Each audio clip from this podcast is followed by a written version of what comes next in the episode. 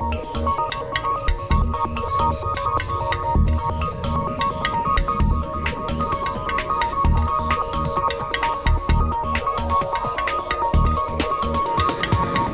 boas tardes, un saúdo de Manuel Vicente A nosa técnico de laboratorio é Marisa Fernández. Somos o equipo de Efervesciencia. Se un mecenas compralle a un artista que necesita diñeiro cartos para mercar ferramentas, tempo ou comida, o mecenas igual a Antón o artista e introduce arte no mundo, crea. Isto dixo o poeta da xeración perdida Ezra Pound. O mecenado non é algo exclusivo das artes. Tamén nas ciencias existen institucións privadas que fan achegas importantes ao mundo da investigación, como por exemplo a Fundación Melissa e Bill Gates ou máis preto de nós a Fundación Pascual Maragall. Nesta edición efervescente coñeceremos, entre outras cousas, a unha nova fundación galega que quere impulsar os mellores investigadores mundiais en biomedicina.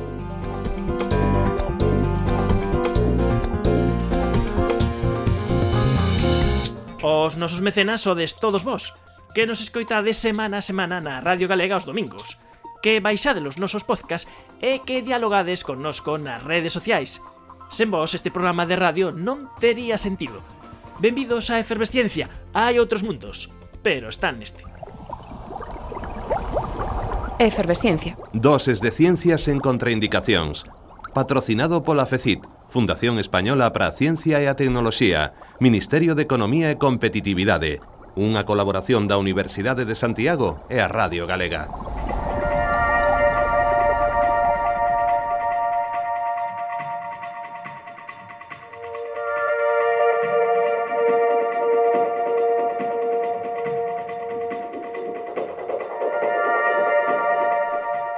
Ana Latorre Pellicer é a primeira asinante dun artigo que se ven de publicar esta semana na revista Nature. Ana é investigadora do Grupo de Medicina Xenómica da USC. Moi boas tardes. Hola, buenas tardes. Ademais, este traballo está liderado polo Centro Nacional de Investigaciones Cardiovasculares Carlos III, que onde eh, ti fixeches a túa tese de doutoramento, non si? Sí? sí, exactamente, eh, en Madrid é un traballo liderado por José Antonio Enríquez. Uh eh, -huh. E este é un traballo para explicar eh, de que vai todo isto, temos que dicir unha cousa previa, explicar previamente que nas nosas células o libro da vida, que é o xenoma do que falamos moitas veces, ese está no interior de todas as nosas células e que normalmente falamos do libro da vida, do xenoma que está dentro do núcleo da célula, pero hai outro xenoma máis pequeniño do que nos esquecemos moitas veces, que é o xenoma mitocondrial. Como é iso? Pues eh, es tal, tal, cual acabas de contar. Nosotros, eh, el grueso de la información genética que, que heredamos de nuestros padres está en el genoma nuclear, que es el, el, que conocemos, el que todos conocemos. Pero existe otro genoma que solamente heredamos de nuestras madres. Es un genoma muchísimo más pequeñito y que se localiza en las mitocondrias. Las mitocondrias son, pues, como eh, las factorías energéticas de, de, las células. Entonces, nuestro estudio lo que se ha centrado ha sido sobre todo en estudiar este, este, este pequeño genoma que sí, pues que se sospechábamos o se, los científicos sospechábamos que podía tener un papel muy relevante pues en el envejecimiento o, o, en el desarrollo de algunas enfermedades, pero hasta ahora tan apenas había explorado cuál era exactamente su papel y eso es lo que nosotros hemos investigado y, y, y, en, en, en este artículo. E precisamente esa investigación porque facedes tedes un animal modelo e o, e o que facedes é se non entendí mal, ti corríxeme é, é que uh -huh. tendo é, animais que, que, que, que teñen o mismo xenoma nuclear, ver que pasa se lle cambias o xenoma mitocondrial e ver como cale a vida deses ratonciños. Efectivamente, lo que hemos hecho ha sido eso, generar unos ratones que son idénticos, que, que, tienen un genoma nuclear idéntico. Lo único que hemos cambiado ha sido el genoma mitocondrial. Y así de este modo, por lo que hemos podido ver e incluso de, demostrar que solo cambiando este genoma mitocondrial vamos a, se provocan cambios que son notables eh, en la fisiología de, de, del animal y lo vemos en el ritmo del envejecimiento, en las enfermedades asociadas a, este envejecimiento. E eso se ve moi ben nas fotos que presentades do, de, dos, dos animais, uh -huh. de ver eh, das fotos dos, de, de algúns animais que envellecen ben, saudablemente, xa se ve, e de outros que non. E logo, obviamente, aportades aí marcadores no noso artículo para justificar todo isto, ¿no? Exacto, exacto. Nosotros hemos hecho, bueno, un estudio eh, metabólico, proteín, decir, a nivel celular muy profundo para eh, entender cómo son todas estas adaptaciones, pero a, ni a nivel celular.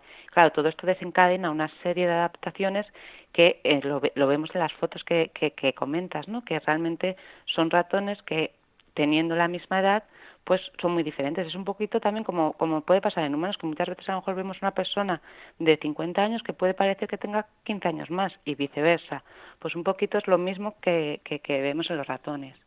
E entón a idea que, que aportades nova é que ten que haber eh, para conseguir ese estado eh, saudable, un, un avellentezamento que nos volvamos eh, bellos de un xeito máis saudable, ten que haber como unha especie de acoplamento entre ese xenoma nuclear e ese xenoma mitocondrial.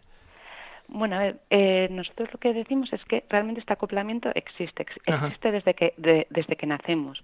Y esto, lo, eh, estudiando cómo es esta combinación entre los dos genomas, podemos explicar eh, cómo es este proceso de envejecimiento o cómo se desarrollan ciertas enfermedades. Es lo que nos, ay nos ayuda a entender muchos puntos que hasta ahora no, no, no entendíamos de, de, por qué eh, unos individuos seamos susceptibles a padecer unas enfermedades y otros menos. Pues ahora lo que vemos es que el DNA mitocondrial también es un componente muy importante eh, en esta susceptibilidad ¿no? a, a padecer ciertas enfermedades asociadas con el envejecimiento. Y lo que intentamos hacer es explicar eh, a nivel celular cómo, cómo, puede, cómo pueden desencadenarse eh, estos fenómenos. Uh -huh. Se abre unha nova eh, vía para entender eh, eh todo isto uh -huh. do envellecemento e, e ademais hai un caso moi concreto do que é de utilidade que é unha terapia de reemplazo mitocondrial que se aprobou eh, por primeira vez no, no Reino uh -huh. Unido eh, que consiste que en determinadas doenzas genéticas que se derivan dese xenoma mitocondrial can, cambiar esos mitocondrias. O que pasa é que grazas agora a vosa investigación, eh, uh -huh. os investigadores van a ter que estar moi atentos a, a certas compatibilidades. Efectivamente.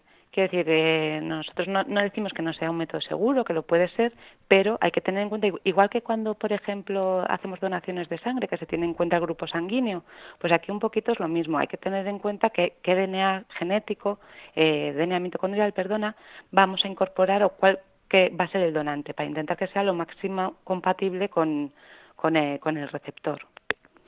Ana La Torre Pellicer, eh, moitas grazas por explicarnos a nova desta semana este Nature que hable unhas novas vías para entender eh, como funcionan estes dous xenomas que temos, o nuclear e o mitocondrial. Ana La Torre Pellicer, investigadora do Grupo de Medicina Xenómica da Universidade de Santiago. Moitas grazas. Moitas gracias a vosotros.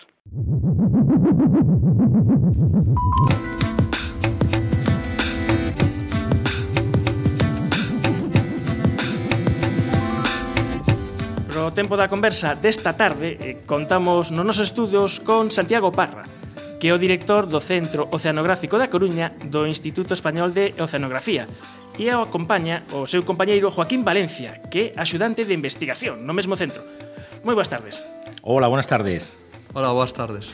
O Instituto Español de Oceanografía é unha institución centenaria, xa pasou dos, dos 100 anos hai dous aniños, e en Coruña xa leva eh, sei que que unhas 4 décadas co, coa vosa sede.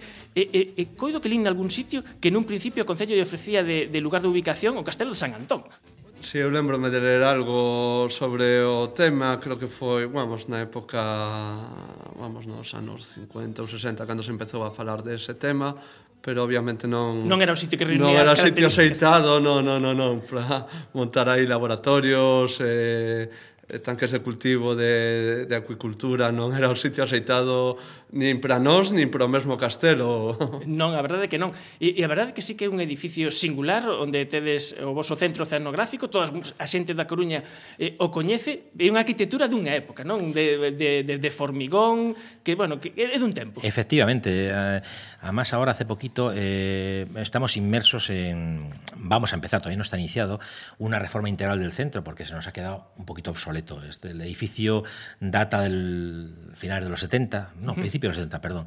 Eh, y lo que decías tú, si lo llaman la época de la arquitectura brutalista. Uh -huh. Nos visitan además muchos estudiantes de arquitectura de la facultad porque es un representante pues, muy bonito dentro de Coruña de este tipo de arquitectura, que es eh, donde predomina el hormigón, estructuras muy rectas, quizá ventanas pequeñas, y de verdad que es un edificio muy, muy, muy, muy particular. Y lo que sí que es verdad que necesitamos una, una pequeña reforma porque, igual que Castillo San Antón no nos hubiese servido por el tipo de edificio que es ahora mismo para los métodos actuales, la, mm, temas de prevención, temas de espacios, temas de nuevas tecnologías, el edificio se nos, ha quedado un, se nos ha quedado un poquito obsoleto y por eso estamos inmersos, ya está el proyecto, tenemos licencia de obra y a ver si empezamos un poquito a movernos para hacer una reforma integral y poder estar otros 40, 40 50 años con, con, en la ciudadanía de Coruña, ¿no? en la ciudad. Cando veñen os invitados aquí ao noso estudio, temos un encerado e facemos pintar algo, e Santiago Parra e Joaquín nos pintaron aí un perfil, puxeron aí o IEO nun lado, o buque oceanográfico Lura, puxeron, puxeron aí un perfil dun fondo mariño, bueno, e, e vos concretamente dese perfil onde vos centrades. Sí, nosotros, mira, concretamente nuestro equipo, donde está incluido Joaquín y otro, otro personal, nosotros trabajamos con, completamente con, una, con un espacio, con un sitio que se llama el Ventos Marino. Uh -huh. Ventos, que es el, fo, el fondo del mar, ¿no? Y concretamente dentro del Ventos hay dos tipos de sustratos, ¿no? que todo el mundo podéis conocer, que es un sustrato duro, rocoso, las rocas, y otro duro blando, más conocido por todos también, porque es el, la zona de las playas, bajo el mar es donde se pueden arrastrar los barcos pesqueros. ¿no? Entonces nosotros lo que estudiamos es concretamente los fondos blandos, que son fondos arenosos, y lo que está enterrado. Arenosos, fangosos también pueden ser. No, no, no todo lo blando es arena. ¿no? Hay zonas que a lo mejor aparentemente turísticamente no tiene un interés porque es fango, puedes decir incluso, oye, qué mal olor aquí o qué feo tal, sí. pero tiene también su vida y su importancia, ¿no? Tanto en el ecosistema. Entonces nosotros estudiamos el ventos de los fondos blandos. Y dentro del ventos lo que estudiamos es la composición, la abundancia, la biomasa, los bichos que viven dentro de ese ventos. Y eso lo llamamos infauna. Lo llamamos infauna o endofauna, también se puede llamar. ¿no? Infauna es un término, una terminología más inglesa y más en, en castellano, más es endofauna. Endofauna. Que luego depende, según el tamaño, se pueden llamar eh, microfauna, que son bacterias, eh, elementos pequeñitos de, de, de, de la fauna. Luego puede ser mellofauna, entre un intervalo de tamaño determinado un poquito mayor, y luego está lo que estudiamos nosotros, es la macro, macroinfauna. Nosotros estudiamos la macro infauna. ¿Y qué clase de, de, seres nos atopamos? Ahí está, vamos a, a, a simplificar esto, porque sí. hemos metido un montón de palabrejos juntos que no, no, nos aclaramos. ¿no? Pues principalmente está compuesto, lo, lo, más abundante son los, las enradas, los gusanos, gusanos marinos, ¿no? Ajá. que son principalmente los poliquetos, ¿eh? poliquetos. Lo, lo, que más hay. Luego también otros componentes son, por ejemplo, los anfípodos, que son pequeños crustáceos, pero ya gambitas, esos que saltan en la playa cuando estamos bañándonos, las pulgas de, las mar. pulgas de mar. Es que cuando falas da playa, ahora estou pensando sí. eh, en, nas playas eso que te atopas, esos espaguetis de area que te atopas eso, ah, que... eso es muy interesante. Fíjate, esos, ese espagueti es el, es el resto para encontrar un poliqueto, un gusano marino que se llama arenícola marina, que es un, eh, es un gusano que hace una galería en forma de U, lo que hace es atrapar su alimento comiendo arena, de uh -huh. la arena extrae el alimento y luego las heces son un chorrito de arena, que es lo que se ve en la superficie, esa especie de espiral que parece Ajá. un helado en pequeñito. Eso, eso. Es, está hecho por un poliqueto, ¿sabes? Lo llaman, lo llaman también aquí mangón. Es Ajá. un gusano que se llama arenícola marina en latín. En latinajo es arenícola marina. Nestes ventos que, de, que decides vos eh, de area e de fango, me imagino que tamén hai a intervención humana eh, tamén vai cambiar moito o ecosistema. Por exemplo, so, se hai un dragado ou non hai un dragado, aí vai cambiar o tipo de especies que ides atopar, por exemplo. Efectivamente, un dragado es el extremo en, en, de alteración este tipo de, de, ecosistema. Un dragado lo que hace es defaunar la zona. Lo que se hace es sacar toda la arena uh -huh. para conseguir mayor dragado para que los barcos puedan pasar. Entonces, ¿qué se hace? Ese sedimento de repente los, de, los quitan la fauna completamente. Uh -huh. Entonces, nosotros, nosotros y otros equipos que trabajan con lo mismo, lo que hacen, lo que suelen hacer es ver la evolución de cómo esas, esos sedimentos que se han quedado sin fauna, cómo se vuelven a colonizar, que primero vienen los organismos que son los oportunistas a, a colonizarlos, luego unos que son más de ciclo un poquito más largo, etcétera, etcétera, hasta que se estabiliza la población. Hay trabajo sobre el efecto, sobre ello. Y luego tenemos otras alteraciones más drásticas todavía en estos fondos que son pienso sobre todo con el tema de los vertidos, ¿no? que también Ajá. se afectan mucho. Hay unos sedimentos, por ejemplo, siempre se, se, lo oirás muy comúnmente, mm. ah, este sedimento en el puerto, el agua del puerto y el fondo del puerto está contaminado, uh -huh. está, no tiene fauna. No es que no tenga fauna, es que solo está la fauna que aguanta ese nivel de, de degradación, de contaminación. Uh -huh. Hay unos puertos que están más contaminados que otros, otros están en buen estado, uh -huh. y eso es un poquito lo que estudiamos nosotros. ¿no? Con el vertido accidental marejeo también nos pasa lo mismo hubo un vertido accidental, llegaron hidrocarburos a, a, la costa, a la ría de Coruña, defaunó la zona, muchas especies murieron, Algunas aguantaron, pero la mayoría murieron. Y luego pudimos, pudimos ver, gracias al monitoreo que teníamos antes, monitoreo es eh, un muestreo que hacíamos periódico, sistemático, a lo largo de los años. Pero gracias a lo que teníamos datos antes, vimos el efecto que causó Claro. el vertido al marejeo y podemos ver su evolución, que a los tres años, por ejemplo, volvió la comunidad a sus estados normales. ¿no? El momento de, de- de- de- vertido es el momento eh, clave donde las comunidades se estropean, se, se alteran y tarda un tiempo en recuperarse. É, é importante eh, en conta que eh, o vosso traballo importante é no centro oceanográfico, pero un traballo importante é sair, que é cando saides, cando facedes as vosas campañas oceanográficas, o que sería equivalente ao traballo de campo, e saides, eh, eso é a peza fundamental para logo ter eh, material de estudo. Sí, efectivamente. Nuestra herramienta de trabajo es el barco. Tenemos que ir al barco, que es donde tenemos nuestras muestras. En los barcos cogemos las muestras que luego vamos a analizar en el laboratorio para, eh, para hacer nuestros estudios. ¿no? Entonces, ¿cómo se cogen las muestras? Las muestras se consiguen mediante días de barco, días en el mar. Estas campañas pueden ser desde una salida de un solo día, con un cierto equipo, un muestreo, ya puede ser una red de planta, puede ser una red de arrastre, puede ser una draga para coger sedimentos, un, un correntómetro para medir la corriente, puede ser desde un día hasta un mes, 30 días, 40, dos meses.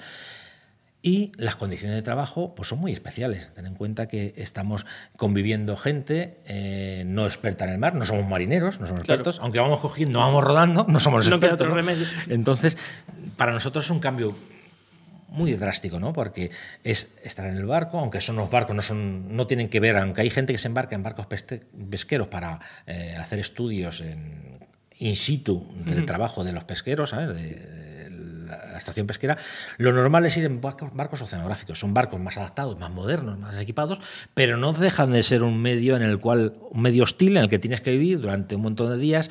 Y te puedo comentar que hemos tenido campañas de 30 días, de 40 días en la zona alta de Aransol, en Porcupín. Te aseguro que ahí en pleno septiembre puedes pensar que es maravilloso aquí en la costa, pero allí arriba hay días que tenemos que estar, como dicen los marineros, a la capa, saltando y pensando, ¿y qué hago yo? ¿Qué demonios hago yo aquí? ¿no? Claro. Y conviviendo con otras 15 personas durante 24 horas en tres turnos para hacer los muestreos.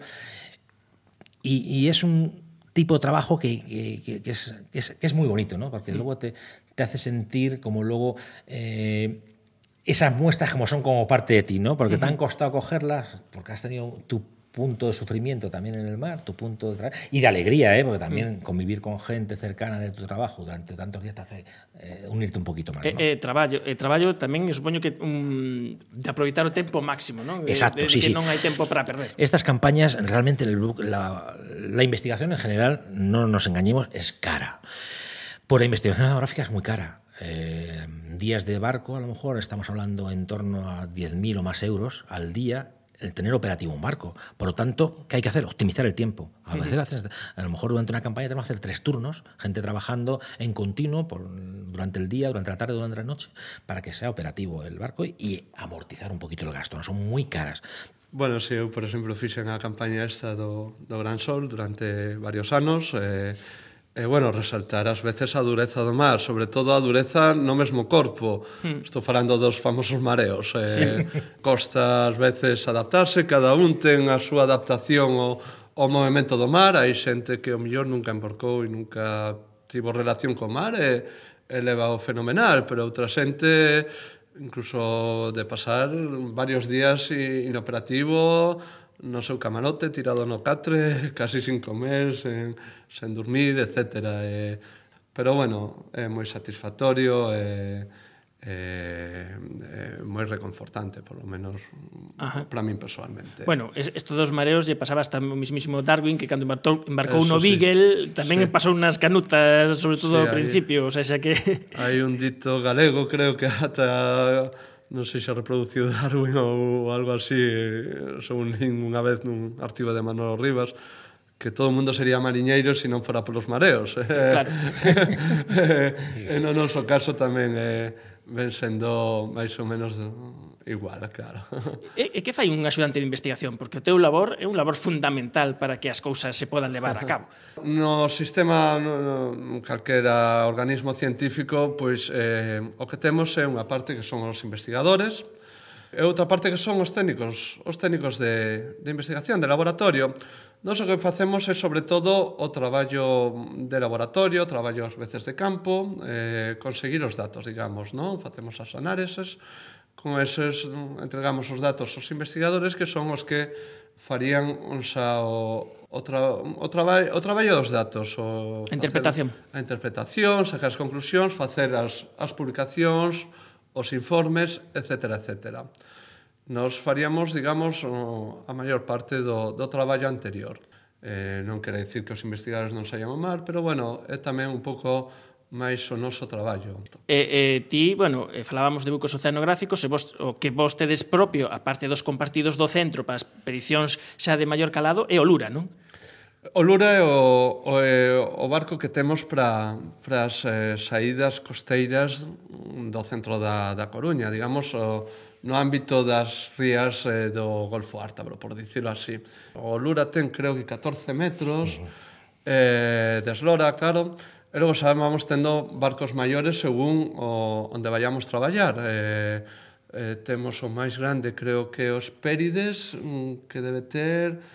Si 87. No, sí, 80 e pico metros, que o Pérides é un barco xestionado pola Armada que vai a Antártida. Uh eh, temos outros de uns 70 metros, 60 metros, que navegan pois digamos no ámbito atlántico por todos por todos lados, eh, traballaron por todos lados, Patagonia, Sudá, vamos, a parte sur de África, Mozambique, etcétera e outros mm, tamén máis eh, máis pequenos, pois por exemplo, para traballar no Cantábrico, etc.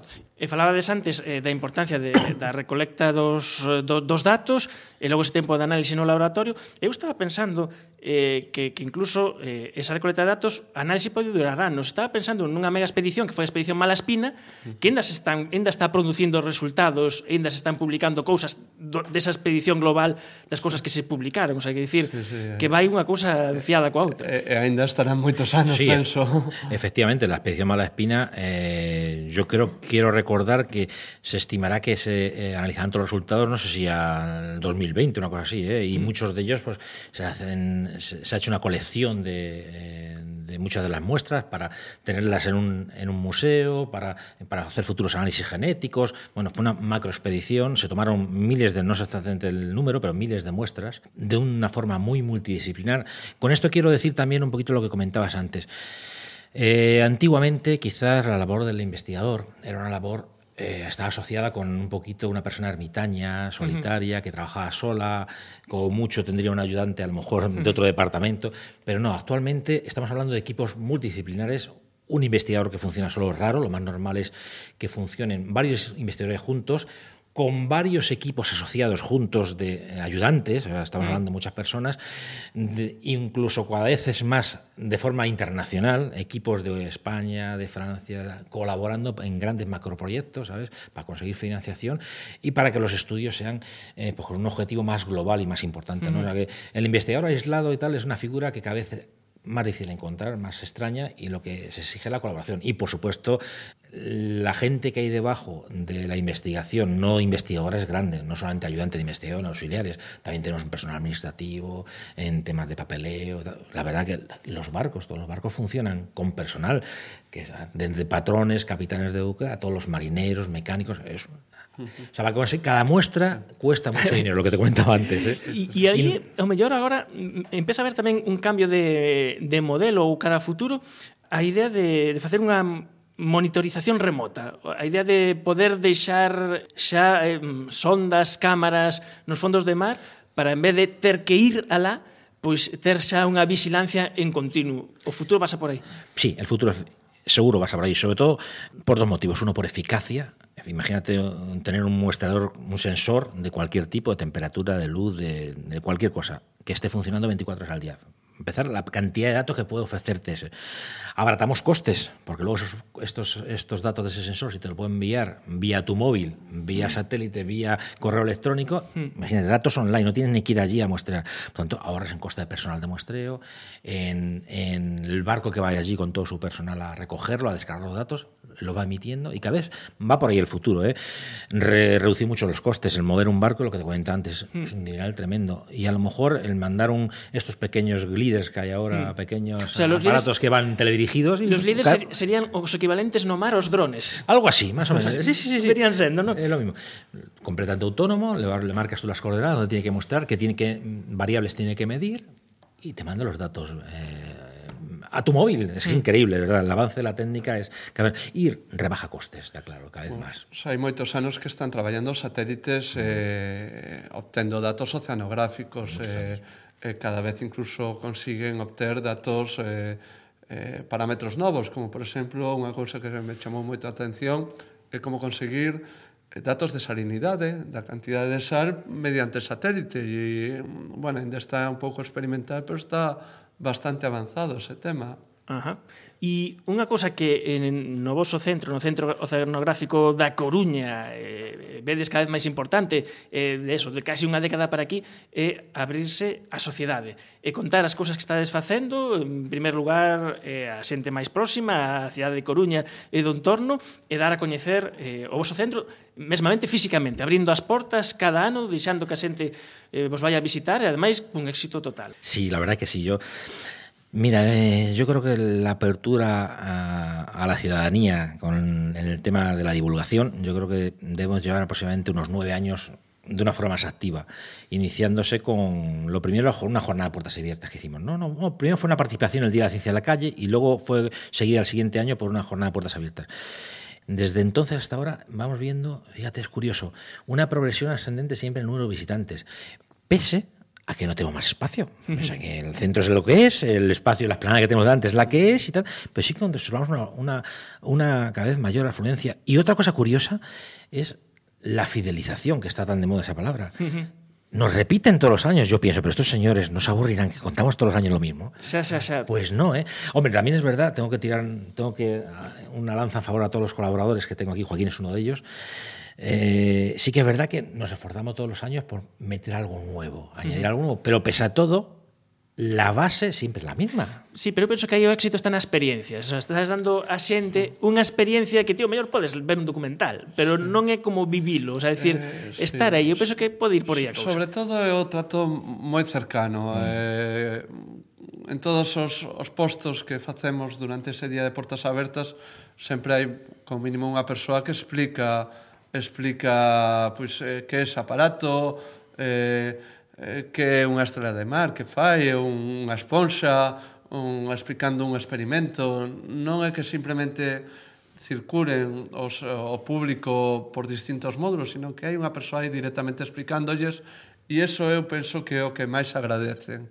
E hai unha cousa que me chama a atención, que é eh, o, o final desa sonada a liberación do acuario, o mar.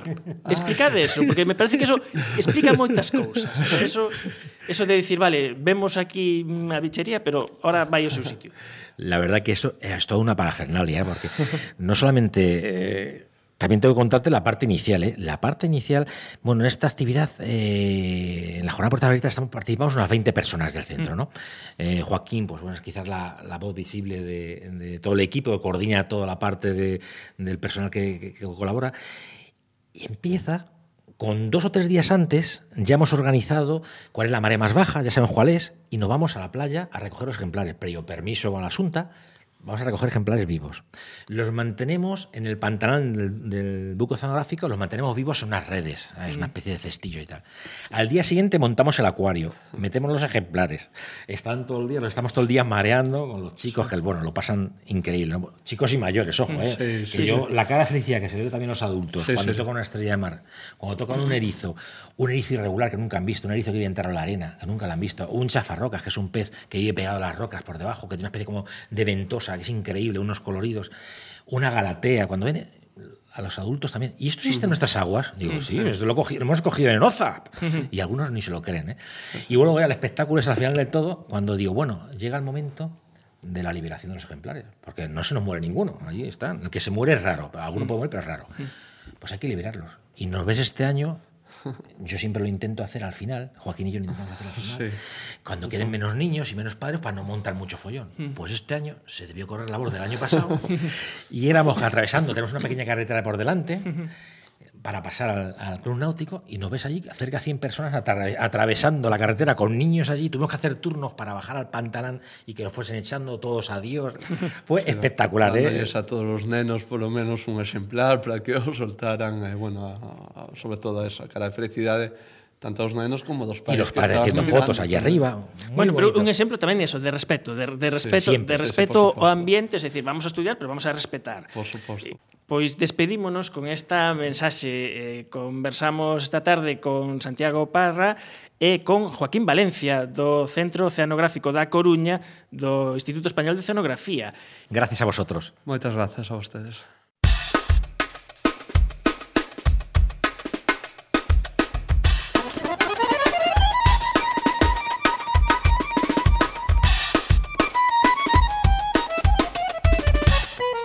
Para este tramo de efervescencia damos un chimpo e nos vimos ata o Muntir, na Coruña.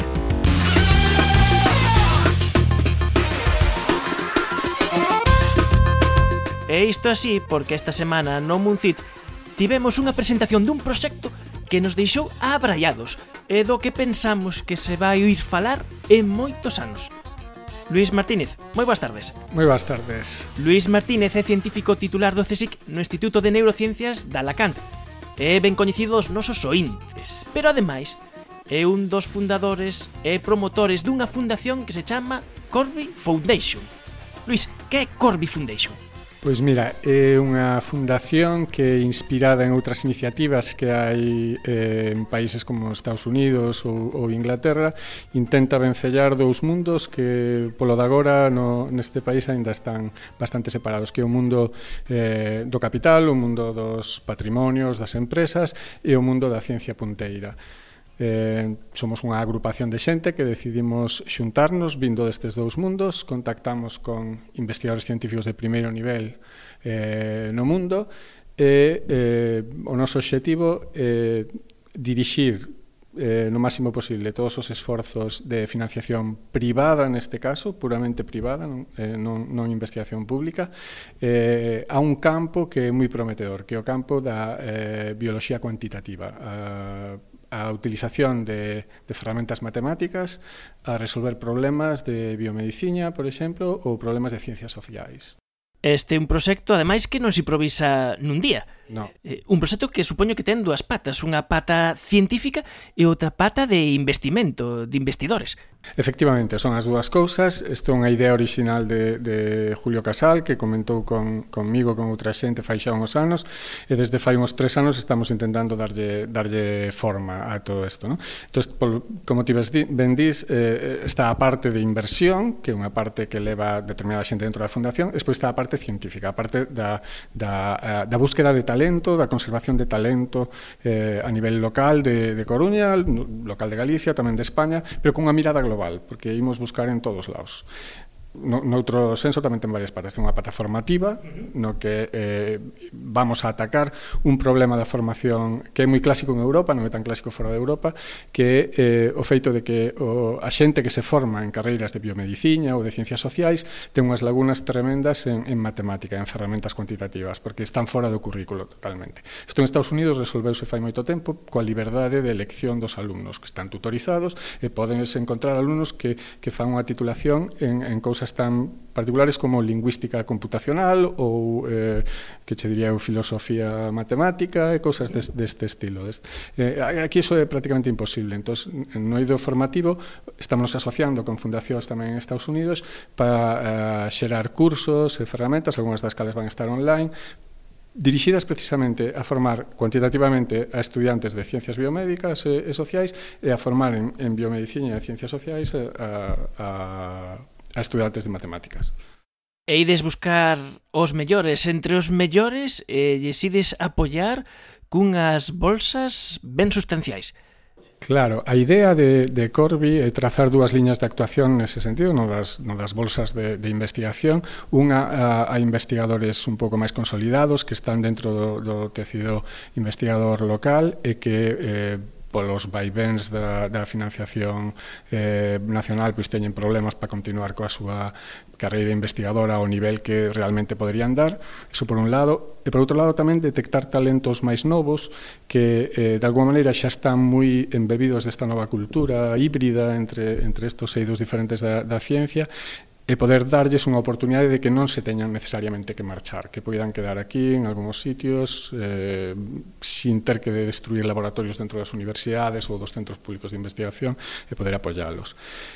A diferencia fundamental entre nós e outras iniciativas similares pode ser que nós non vamos a actuar pedindo unha convocatoria pública que a xente nos envía as súas propostas, sino que vamos a ir mirando e buscando talento. E de ser olladores, como fútbol. Básicamente, sí, todos máis ou menos nos coñecemos, se vamos buscar, entón se vai facer un proceso de selección eh, que vai ser totalmente eh, anónimo e a xente non o vai saber que está dentro dese proceso de selección. Solo cando chegue ao final, cando vayamos a entrevistarnos con eles e les preguntemos cal, como son as súas ideas de futuro, que é o que pensan que, que debería ser a súa carreira, aí é cando saberán xa algo que están sendo considerados para isto, e despois haberá un comité internacional moito máis fora de, do ámbito de control de Corby, que será o Consello Científico Asesor, formado por premios Nobel, medallas Fields, premios Abel, que ao que lle levaremos unha proposta, eles decidirán quenes son máis interesantes ao seu ver serán os que reciban o premio. Entre os nobeles se tedes a un moi ben fichado.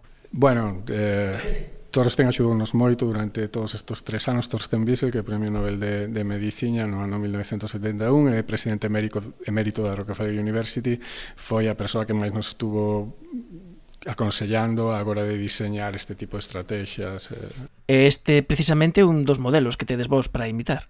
Claro, este modelo, máis que da Rockefeller, é un modelo que co que se iniciaron outras fundacións, como a Fundación Howard Hughes, por exemplo, en Estados Unidos, que se dedicaba a financiar investigadores que estaban dentro dos departamentos universitarios sin sacalos do seu ambiente. Simplemente os detectaba e decía, mira, o que está facendo esta persoa é tremendamente interesante, ten moito futuro, vamos a apoiálo. Eh, ese é o modelo co que queremos traballarnos agora mesmo e aquí o polo vai ser Coruña. Claro, porque Cor... A ver, Coruña como polo de atracción pola singularidade que é que Coruña é unha zona representativa de, en Galicia que ten un potencial de investigación biomédica importante, hai grupos moi interesantes en neurociencia, como xa sabedes, hai grupos no INIBIC de, de biomedicina, pero tamén en Santiago de Compostela tamén hai moitos, incluso en Vigo, en outras ramas de biología cuantitativa hai xente moi interesante investigando. E despois tamén ten a singularidade de que hai moitos patrimonios privados que, eh, que teñen un gran potencial de cara á filantropía. Entón, eh, Coruña ten, ahora non recordo exactamente o número, pero ten moitísimas fundacións privadas facendo xa moitas cousas moi interesantes que se poden achegar a este, a este eido. Isto lembreme a unha historia que contou Josefina Lin nas Net Night Compostela este ano, que era de unha historia de James Leake que foi un home que gañou moitos cartos coa fiebre do ouro en California e que quixo deixar para a humanidade un gran mausoleo seu. E afortunadamente houve alguén que tivo a boa idea de convencelo que na vez de deixar un mausoleo o que podía facer era financiar un observatorio, un observatorio no que, no que ao final quedou o seu corpo o Observatorio de Lick e agora o seu nome perdura precisamente gracias, gracias a este observatorio. Efectivamente, si queres trascender... A ver, Rockefeller, por exemplo, é unha persoa que... Eh, será recoñecida finalmente porque dentro da institución que, el, que el creou se xeraron investigacións que deron lugar a, a, a moitísimos premios Nobel desde a determinación dos grupos sanguíneos hasta finalmente a estructura de canais iónicos que son fundamentais para o funcionamento do corazón ou do cerebro. 24 persoas nun século asociadas a Rockefeller University recibiron o Premio Nobel en, fundamentalmente en Biomedicina e Química. É unha universidade que ten unha escala parecida a de algún centro de investigación que temos aquí en España. Son simplemente 70 laboratorios, non, non é moito máis, é bastante en escala bastante máis pequena que a Universidade da Coruña, por exemplo. Entón, eh, hai maneiras de cambiar o mundo, só hai que eh, encontrar a, a, o camiño adecuado. Eu coido que nos vindeiros meses, e sobre todo nos vindeiros anos, veremos a transitoria desta idea da Fundación Corby. E desde logo, en efervesciencia, eh, tedes as portas abertas para irnos contando todos os detalles deste gran e ambicioso proxecto. Pois moitísimas gracias, pero tes toda a razón. Eh, nós tenemos que pasar o test do tempo. Dentro dunhos anos eh, como somos parte da sociedade, a sociedade terá que preguntarse que pasou con esta, con esta iniciativa e esa será a prova de si funcionou ou non funcionou. Pois moitas grazas, Luis, por acompañarnos aquí no Mucid, na Coruña. Moitas grazas a vos.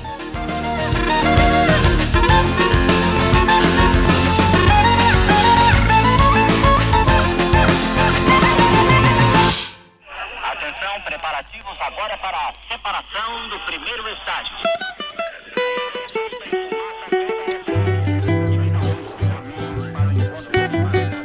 Esta sintonía é inconfundible. O universo ao meu redor. A sintonía da nosa guía do ceo. Guía do ceo que esta tarde facemos desde o Muncid na Coruña e que non pode estar completa sen os nosos estreleiros. Martín Pauli, moi boas tardes. Moi boas tardes. E Irene Maspino. Hola, boas tardes. O universo ao meu redor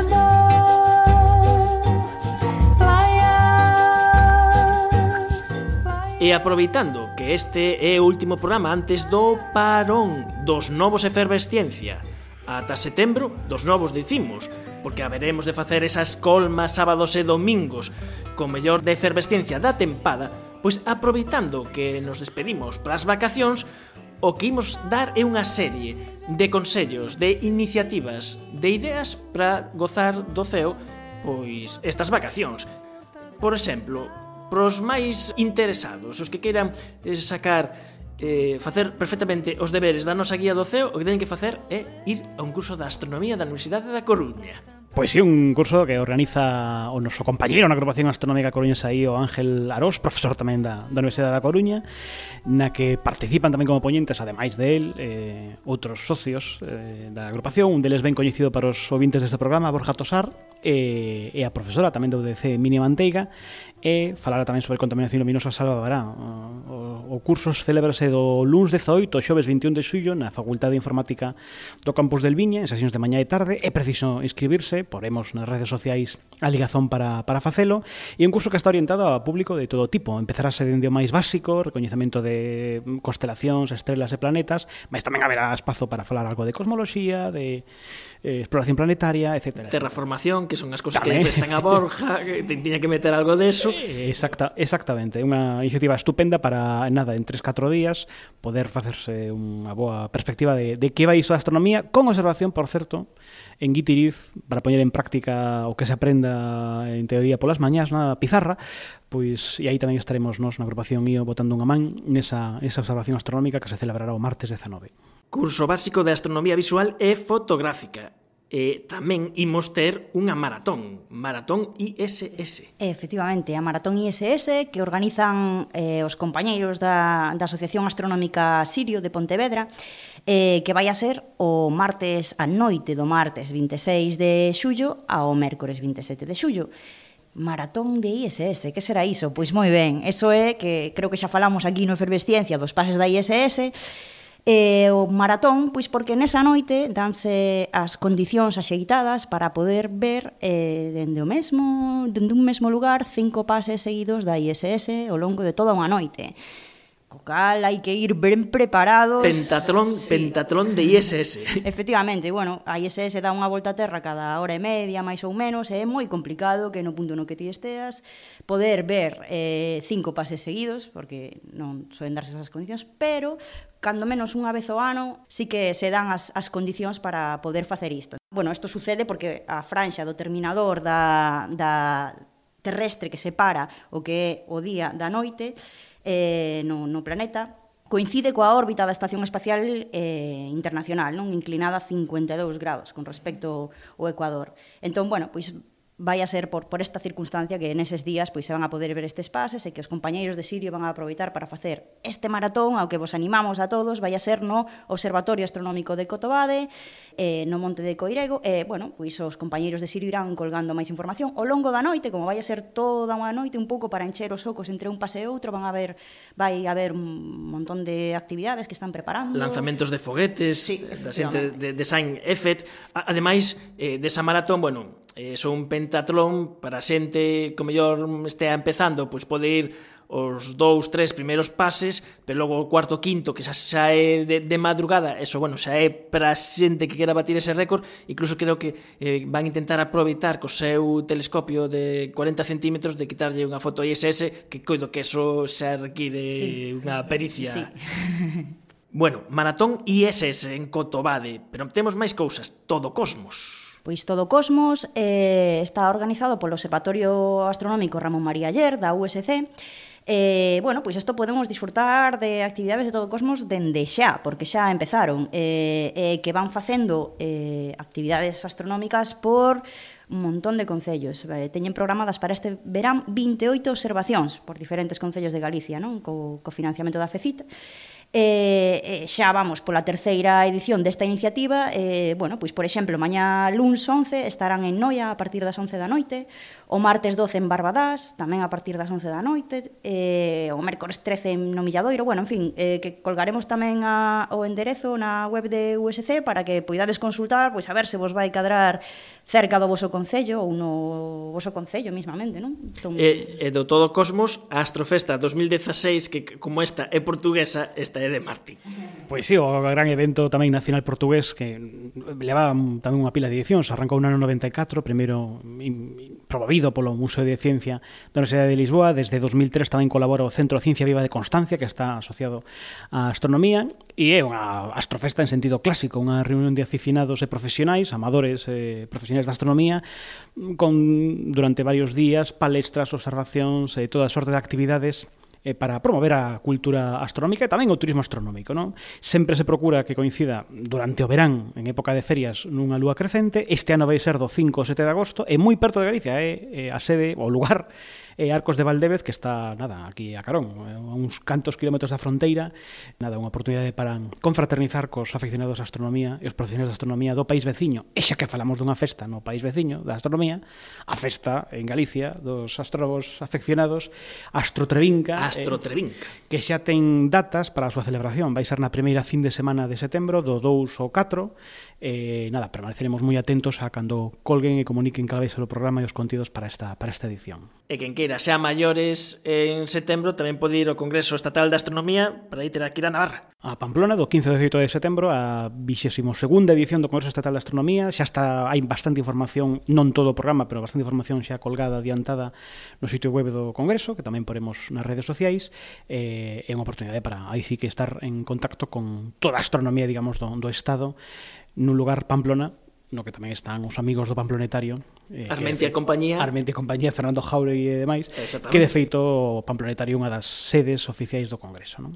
Pois xa temos estas actividades astronómicas básicas mm, pro verán para todos os gustos e, e aficións. Bueno, estas son unha pincelada, como dixemos, non? Que seguro que a xente que estea bueno, moi atenta porque... A agrupación IO, temos que dicir. Eh, agrupación guío tedes as vosas clásicas, por exemplo, observacións de perseidas, por exemplo. Por exemplo, e máis este ano queremos eh, poñer autobuses a disposición da xente para ir a velo a un sitio interesante como pode ser Guitiriz, dende Coruña está moi perto, podemos ir con certa comodidade As Perseidas é a gran clásico de todos os veráns, todos os anos falamos disto, pero que máis que é a máis famosa das lluvias de estrelas. Este ano o máximo coincide alrededor do 12 de agosto, a lúa está en crecente, co cal non vai estorbar demasiado, porque se empeza a poñer pasada medianoite polo oeste-sudoeste, pero realmente persoa emerxe na posición diametralmente oposta do ceo, E para ver as Perseidas hai que aguantar ben toda a noite, porque canto máis alto este o radiante que Perseo, imos ver máis máis estelas fugaces, así que hai que ir ben disposto para pasar a noite en vela, eh, E iso obriga os consellos de sempre, non? Se un vai estar toda a noite ao aire libre, eh, Abrigarse, en inverno, ben, que... porque volvemos a repetir como a, como a sempre, non? Que en agosto que normalmente pois bueno, con sorte temos unha boa temperatura polo día, non? É moi fácil confiarse e, e non abrigarse da bondo pola noite Isto vai a ser un punto clave para poder disfrutar dunha boa chuvia de estrelas porque, bueno, pois eh, normalmente se, se soe fastidiar bastante unha noite de observación por non ir suficientemente ben abrigado confiándonos en que a temperatura vai a ser tan agradable como durante o día e eh, isto non sucede. E ademais, eh, nestas perseidas eh, a lúa axuda. Sí, e intentar sempre alonxarse, bueno, o consello de sempre, non intentar alonxarse o máximo posible dos núcleos de poboación que sempre producen certa eh, contaminación luminosa, canto máis podamos tirar hacia ceos escuros, pois mellor que mellor sempre, mellor poderemos disfrutar deste espectáculo. Perseidas, espectáculo para todos, E agora podemos facer o ceo de verán, que cousas imos ter en verán, eh, protagonistas os planetas. Pois eh, dende eh, o mes de maio, a maio, ao fines de maio estivo Marte en oposición, a comezos de suño estivo Saturno, son os dous protagonistas das últimas semanas e van a seguir sendo durante todo o verán. O, nesa altura, hai un mes, mes e algo, acadaron o seu máximo brillo ao longo de 2016, mm, van ir perdendo luminosidade ao longo de todas estas próximas semanas de verán, mas van ser sendo un aliciente extraordinario e de feito hasta pode ser un exercicio interesante, non? Ir comprobando pois agora nos primeiros días de xullo como vai ir brillando máis Marte do que dentro de unhas semanas ou a mediados de agosto ou máis alá, tamén cada vez van ir retirándose antes, co cal, pois agora podemos velos prácticamente durante toda a noite, cando acaba o verán xa non vai ser así, Son dous obxetos realmente interesantes, por suposto superados en brillo por, por Xúpiter, Xúpiter, que é o mm, veciño de sempre.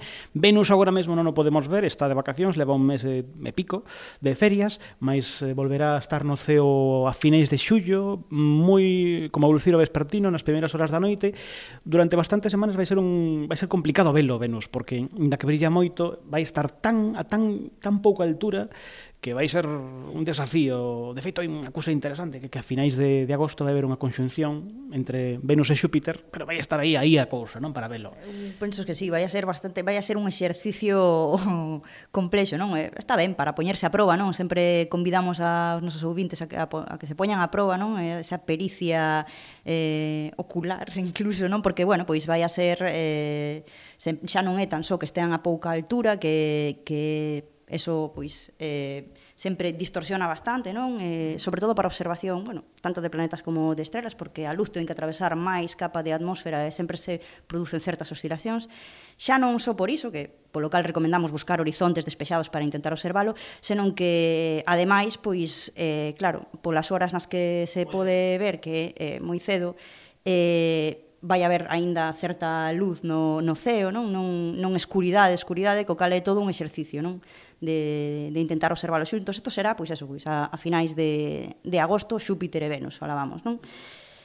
eu insistiría no que dicimos sempre todos os veráns, non animar os nosos ouvintes a que eh, saian pola noite a descubrir o ceo, eh, e, eh, eh, sobre todo facer eses exercicios de que sempre axudan, non, de cos planetas de seguimento de pois mm, ir apreciando pois neste caso pois que falaba Óscar, non, Marte que se vai a poder ir apreciando, sobre todo con Marte ese ese cambio de brillo, eses movementos eh ao longo do verán, pois animar a, a isto e axudándose sempre, por suposto, que volvemos a recordarlo así moi en breve, non, de certas ferramentas eh, moi doadas e moi accesibles para calquera afeccionado, como son a páxina de Heavens Above ou o programa de simulacións Stellarium, que para aquela xente que se quera iniciar son algunhas das mellores ferramentas para poder ubicar as cousas nun inicio hasta que un aprende a orientarse ben. Non?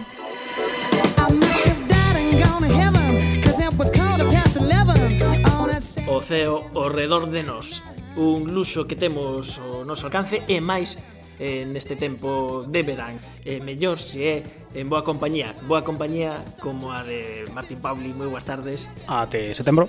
E da nosa chica supercósmica e de Pois ata a volta do verán. She's just a cosmic girl.